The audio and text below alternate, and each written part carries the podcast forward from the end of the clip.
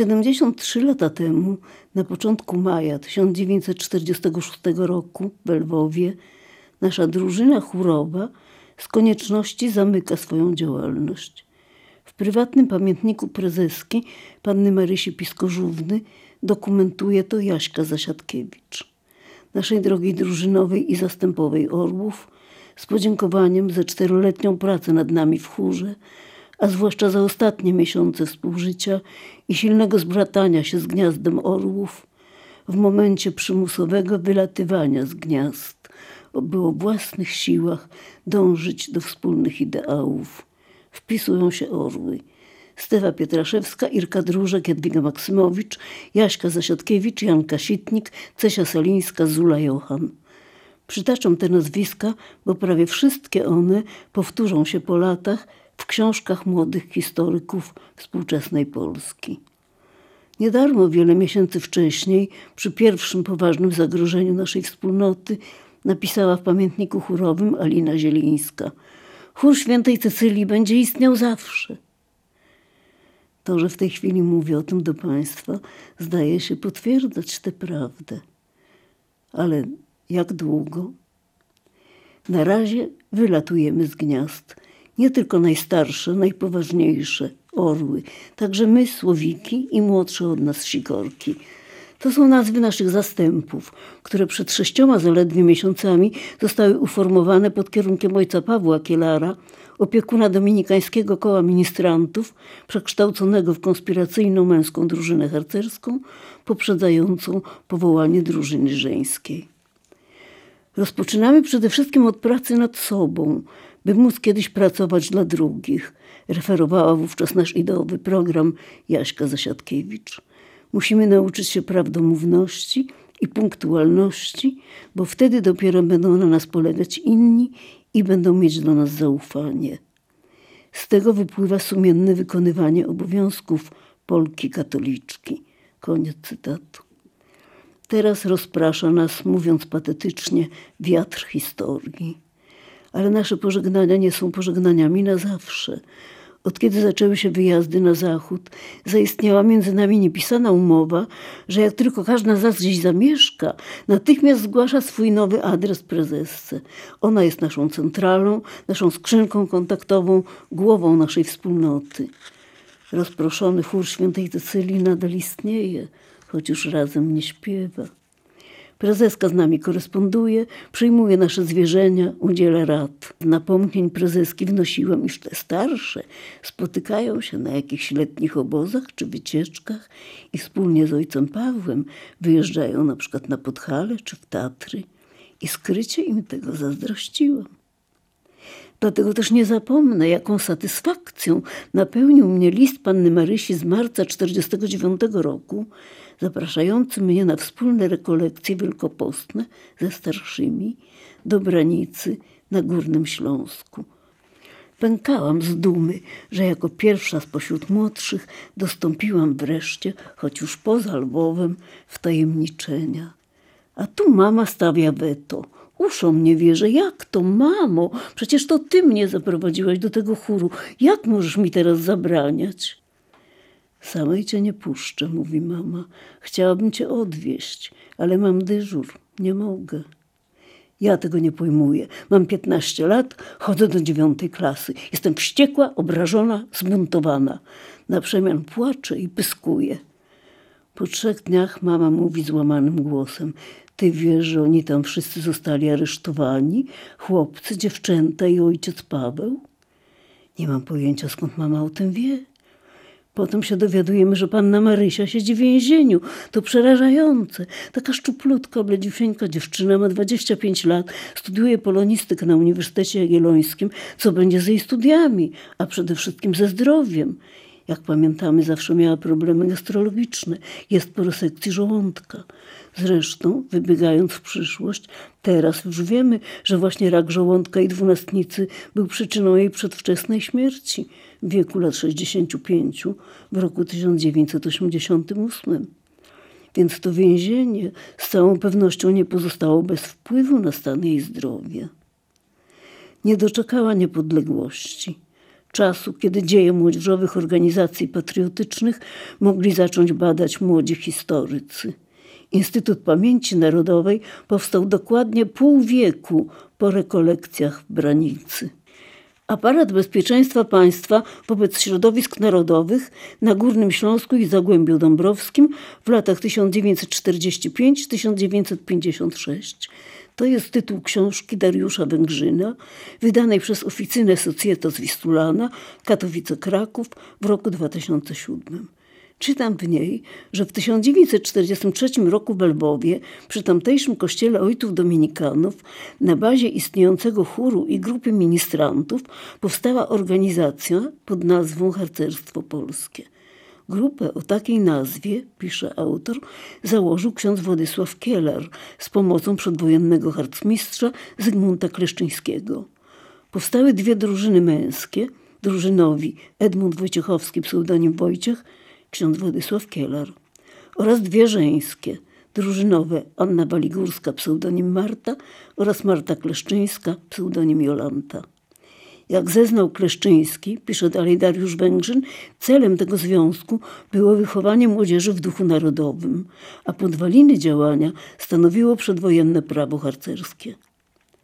Przytacza także Węgrzyn z akt IPN zeznania Ireny Piskosz z 11 lipca 1949 roku. Harcerstwo polskie wyodrębniło się z przedwojennego ZHP, stojąc na gruncie wychowania młodzieży w duchu katolickim. Organizacja miała się składać wyłącznie z katolików, Polaków i miała być apolityczna. Z drugiej strony mocno wpajano jej członkom ideologię stronnictwa narodowego. Irena Piskosz to oczywiście Irka, Irunia, stryjeczna siostra panny Marysi. Nie ma jej na liście podpisanego w pamiętniku drużynowej zastępu orłów, bo o ile dobrze pamiętam, wyjechała z rodzicami już nieco wcześniej. Pań Baligórskiej, Kleszczyńskiej i Szpileckiej zupełnie nie znam, bo one nie należały do naszego chóru. Natomiast drużynową naszej drużyny chórowej była przecież Maria Piskożówna, której w ogóle nie wymienia Węgrzyn wśród aresztowanych w Branicy. Przytacza natomiast nazwiska Adama Duniewskiego, Ireny Piskosz, Janiny Zasiadkiewicz, Janiny Sitnik oraz Czesławy Salińskiej, te, które wpisane zostały w 1946 roku do pamiętnika prezeski. Zatem dane są nieścisłe. Panie Waligórska, Kleszczyńska i Szpilecka musiały być związane z innymi jakimiś drużynami żeńskimi. A z koła ministrantów też, jak mi się wydaje, wyłoniła się jedna tylko drużyna harcerska z drużynowym Edmundem Wojciechowskim, którego zresztą dobrze znałam, bo ożenił się potem z jedną z naszych chórzystek. Ojciec Paweł chyba nie był drużynowym, tylko opiekunem obu naszych drużyn. Trafnie natomiast interpretuje Dariusz Węgrzyn nasze kontakty po zachodniej stronie granicy i stosunek do nich służby bezpieczeństwa. Pisze. Po przybyciu do Polski harcerze utrzymywali ze sobą łączność, a jej osią był ksiądz Kielor. We wrześniu 1946 roku odbyła się pielgrzymka członków harcerstwa polskiego na Jasną Górę. Podczas tego spotkania Kleszczyński ogłosił rozwiązanie związku którego członkowie mieli wstępować do ZHP. Ksiądz Władysław Kielar organizował wycieczki dla swoich byłych podkomendnych, a także coroczne opłatki. Te wspólne spotkania lwowiaków zostały potraktowane przez aparat bezpieczeństwa jako działalność konspiracyjna, pisze Węgrzyn. Co gorsza, UB uznał, że na spotkaniach propagowano wrogą ustrojowi ideologię katolicką. Dodatkowym argumentem przeciwko harcerzom miało być ich wstępowanie w szeregi ZHP, by jak argumentowali funkcjonariusze UB, realizować wytyczne i program harcerstwa polskiego. Wszystkie te zarzuty były pozbawione sensu, komentuje historyk. Członkowie harcerstwa polskiego po przybyciu do Polski nie prowadzili żadnych działań konspiracyjnych, a ich spotkania miały charakter czysto towarzyski. Konsekwencją przyjętych przez UB założeń były aresztowania dokonane 26 kwietnia 1949 roku podczas rekolekcji w Branicy prowadzonych przez księdza Władysława Kielara. Koniec cytatu. W tej trafnej interpretacji można by tylko skorygować określenie czysto towarzyski. Bo nasz duchowy związek wyrastał jednak z naszych wspólnych, dramatycznych, bardzo mocnych przeżyć okupacyjnych, religijnych i patriotycznych. I to był jego główny koloryt, jego głębia. Młodemu historykowi, pracującemu w wolnej Polsce, trochę trudno sobie to wyobrazić ale to i tak duża wyobraźnia, prostota i wrażliwość w porównaniu z wywodami Andrzeja Szczypki, autora książki wydanej w trzy lata później, w roku 2010 przez Europejskie Centrum Edukacyjne w Toruniu pod tytułem Młodzieżowe organizacje niepodległościowe na Górnym Śląsku i Zagłębiu Dąbrowskim w latach 1945-56. Otóż autor, nie mogąc się rozeznać w tych szczegółach, o których czytał w aktach sprawy moich aresztowanych przyjaciół, że u lwowskich dominikanów był chór dziewczęcy i koło ministrantów, a potem powstały z tego drużyny i zastępy harcerskie, męskie i żeńskie, formułuje własną arbitralną opinię. Cytuję. Moim zdaniem należy wykluczyć powstanie i działalność dwóch osobnych grup. Istniała jedna organizacja, harcerstwo polskie, stwierdza pan Szczypka, a członkowie spotykali się konspiracyjnie w kościele na zebraniach organizacyjnych. Aby nie wzbudzać niczyich podejrzeń, pretekstem do zebrań była na przykład nauka śpiewu pieśni religijnych. Być może opiekunem duchowym byli zakonnicy, w tym ksiądz Władysław Kieler. Koniec cytatu. Co pan powie, panie doktorze? Chciałoby się zapytać obcesem, bo to najprawdopodobniej jego praca doktorska. Facetowi z XXI wieku po prostu w głowie się nie mieści, że w czasie okupacji młodzi ludzie się zbierali w kościele, żeby się modlić.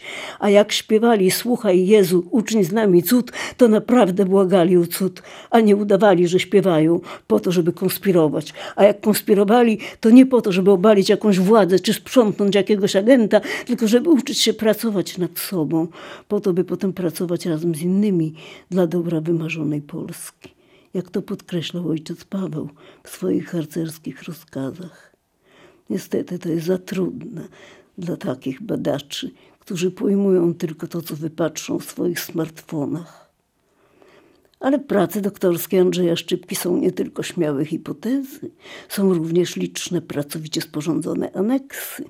I tak na przykład na liście pod tytułem Członkowie Harcerstwa Polskiego znajdują się zarówno nazwiska najwybitniejszych przywódców, takich jak Zygmunt Kleszczyński, pseudonim Stanisław, jak i nazwiska małych dziewczynek, takich jak na przykład Krzysia Rottenberg, rocznik 1938, a więc jedna z najmłodszych, chórowa maskotka z kokardami, w chwili zakończenia naszej lwowskiej działalności zaledwie ośmioletnia.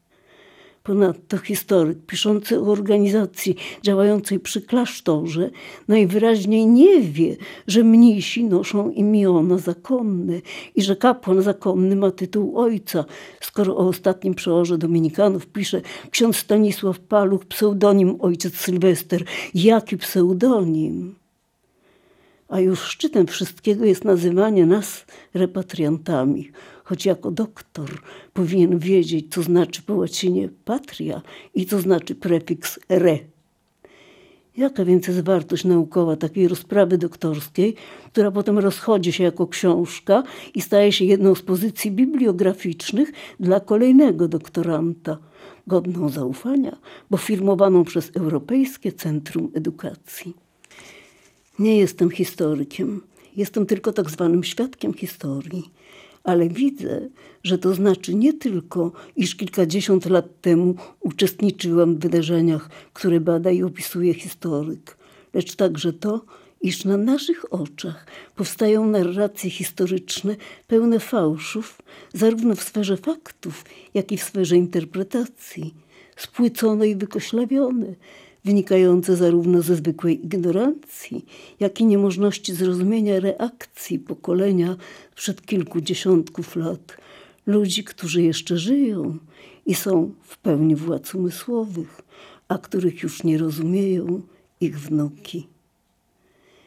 Siedemdziesiąt kilka lat temu Alina Zielińska napisała: Chór świętej Cecylii będzie istniał zawsze. Dotąd w to wierzyłam. Teraz mam wątpliwości.